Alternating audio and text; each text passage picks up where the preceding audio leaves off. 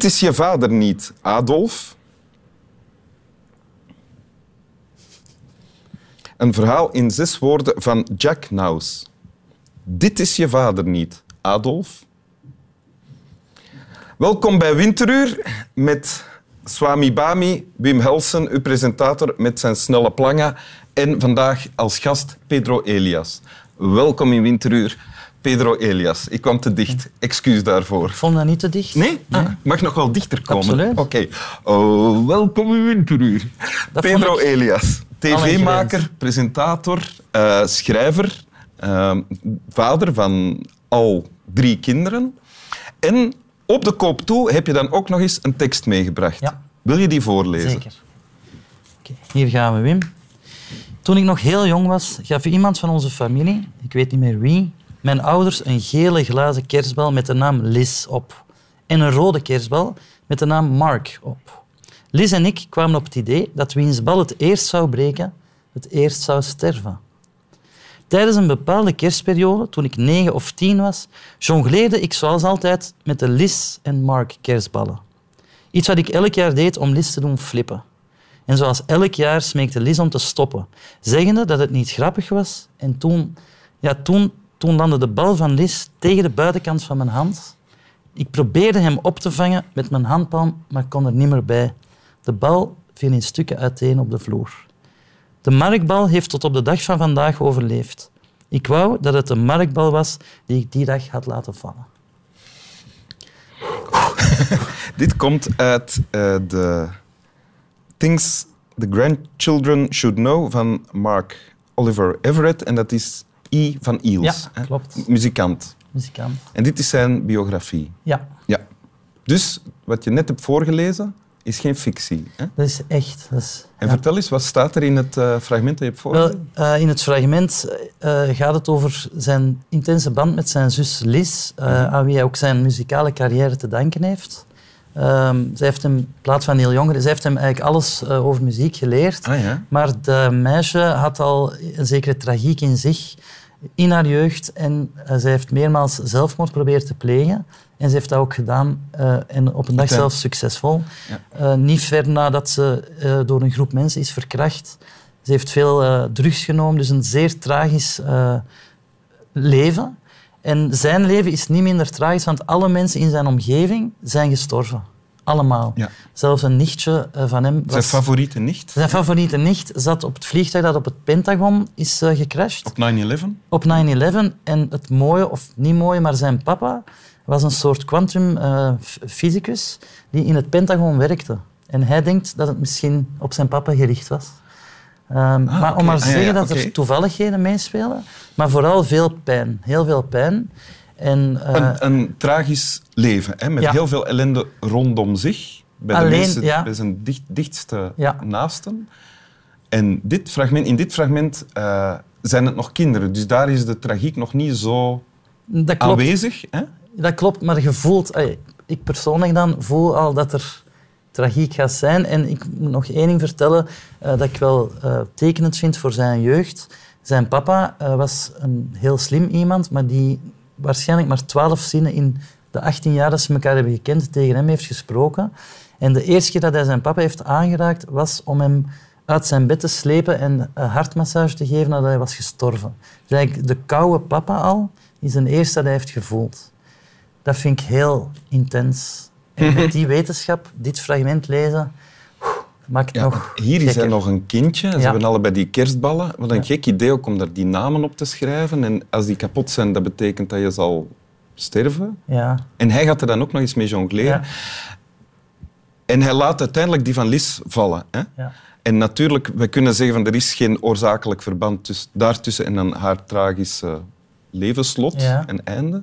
Maar het voelt alsof het wel zo is. Ja. Klopt dat, wat ik zeg? Heel juist, Wim. En je vat ineens samen wat de boeken of teksten kunnen doen voor mensen die er voor openstaan. Wat je net zegt, is hetgeen dat ik heb gevoeld bij dit fragment. En heeft mij heel hard gepakt. Waarom? Hoe komt dat jou dit zo hard... Ja, er zijn zoveel boeken die pakken, maar dit heeft mij heel hard geraakt, omdat ik, ik probeer mij soms wat in te leven in, in de boeken, in de personages. Zo, ja. ja, dat ben ik. En ehm, ik snap ergens heel hard de angst voor de dood, zeker als je alleen maar dood om je heen ziet. Mhm. Maar ik snap ook wel het, de goesting om met die ballen te jongleren. Mhm. Dus ik ben zeer angstig in die mate dat ik hoop dat jij geen ballen bij hebt om dat met mij te spelen. Omdat dat zou... Stel dat mijn bal breekt, zou ik heel triestig zijn. Dus je bent, want het is een beetje Ja. bijgelovig ook natuurlijk. Ja. Ben jij dan ook... eh, ja? Heel, heel, maar dan toch ook zin hebben om te jongleren, om daarmee te spelen. Hoe uitzicht jouw bijgeloof bijvoorbeeld? Op vele manieren, maar die zijn sociaal aanvaardbaar. Dus, heb Geef ik ook geef een voorbeeld. Ehm, ja, een, een eh, concreet iets waar ik veel last van heb, is de ehm, Skoda Yeti. Dat is een wagen die in omloop is. De Skoda Yeti. Ja, en ik was ooit aan het wandelen met mijn hond eh, toen ik die nog had. En ik besefte dat ik heel gelukkig was en dat ik gelukkig was dat mijn ouders nog in leven waren. Mhm. Dat was een heel fijn besef. En ik zag een Skoda rijden, een Yeti. En ik betrapte mij erop dat ik plots luidop Yeti zei. Toen is het in mijn hoofd geslopen dat ik nu altijd Yeti moet zeggen als ik een Yeti zie of mijn ouders gaan sterven. Nu blijkt dat er heel veel Yetis in omloop zijn, dus dat is eigenlijk vermoeiend. Maar ja. Ja. Ja, maar dat is nog sociaal aanvaardbaar. Ja, omdat ik... Het is lastig als ik met u zou bellen.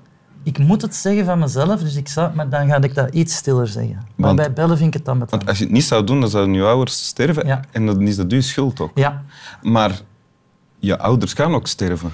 dat is iets dat ik echt niet naar uitkijk. Hm. Nee. Nee. Ja. Ja, dat snap ik. Ja, ja, zeker. Ja. En niemand, hè. maar bij mijn ouders, ik herinner me dat ik in een dorp heb gewoond in Australië, in de Tablelands, zo in de echte de jungle, eh, de Australische dan. En dat dorp heette Malanda. Malanda. En mijn mama heet Anda. Dus ik dacht, Mal, Anda, mijn moeder gaat sterven en ik zit hier in Australië. Dus En wat heb je dan gedaan? gebeld. En het was oké. En dan heeft, heb ik dat er met haar wel over gehad. Zeg maar, een van de...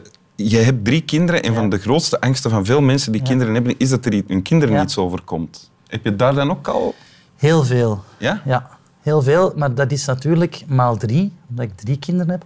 Dus ik moet mijn interne huishouding een beetje... Allee, kan, dat niet meer allee, kan, kan die angsten niet, niet toelaten. Dat is Ah, nee, echt onmogelijk. Nee. Want het feit dat je er drie hebt, sommige mensen zouden kunnen zeggen van ja, als er dan eentje wegvalt... Dan... Ik heb dat al gedacht. Dat is Ah, heel grof naar één van de drie. Ik durf niet zeggen wie ik nu denk. Maar eh, dat is wel waar. Als je maar eentje hebt en dat valt weg, dan... Maar dan kun je ook zelfmoord plegen. Dus, want nu moet ik blijven leven voor de twee anderen. Ah ja, ja. Dus Dat is dan weer een nadeel, Ja, dat is waar. het is wel altijd Mhm. met- Stof tot Ja. nadenken. Ja. Geef je ons. Wil je het nog eens voorlezen? Zeker. Zeker. Kindjes zijn nog te jong om naar winteruur te kijken. Ja. Die snappen dat nog niet. Nee. Alhoewel, ene is 13 jaar. Mm. Die snapt dat nog niet. Die moet al in bed liggen dan Ja, toch? zeker. Die slaapt al. Toen ik nog heel jong was, gaf iemand van onze familie, ik weet niet meer wie, mijn ouders een gele glazen kerstbal met de naam Liz op en een rode kerstbal met de naam Mark op. Liz en ik kwamen op het idee dat wiens bal het eerst zou breken, het eerst zou sterven. Tijdens een bepaalde kerstperiode, toen ik negen of tien was, jongleerde ik zoals altijd met de Liz en Mark kerstballen. Iets wat ik elk jaar deed om Liz te doen flippen. En zoals elk jaar smeekte Liz om te stoppen. Zeggende dat het niet grappig was. En, en toen, ja, toen landde de bal van Liz tegen de buitenkant van mijn hand. Ik probeerde hem op te vangen met mijn handpalm, maar kon er niet meer bij. De bal viel in stukken uiteen op de vloer. De markbal heeft tot op de dag van vandaag overleefd. Ik wou dat het een markbal was die ik die dag had laten vallen. Dank u wel.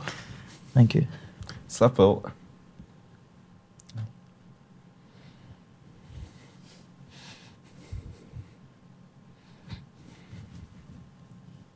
Drinken?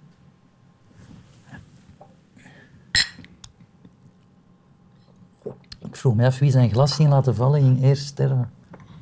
Doe je dat heel de tijd? Weet je wat ik doe? In een tram soms. Ik zit in een tram, dan kijk ik rond en dan, stel ik, dan vraag ik me af wie zou er eerst sterven van de mensen. En dan, De chauffeur. logischerwijs, denk je de oude mensen, maar als het niet, meestal volgt het leven de logica niet. En dan kies ik ja, een kind en dan denk ik, oh, hmm. Zoals ik soms ook denk, in een bedrijf of een supermarkt, wie is in staat om iedereen hier neer te maaien? Ik denk dan, allee, ah ja. daar denk ik ook zo aan. En dan ook, wat zou ik doen als iemand dat begint? Ja. Begin je dan uitwegen te zoeken?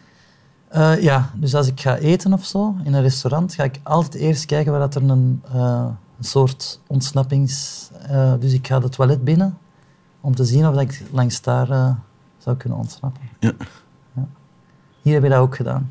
Ja? Ja, langs daar. Laat daar, dat ja. is aan een pijl. Ah, Oké. Ja. Als je dat nu niet had gedaan, had die niet op je gemak gezeten. Jawel, jawel, want Ja? ik wil ook niet overkomen als iemand die er constant mee bezig is. Nee.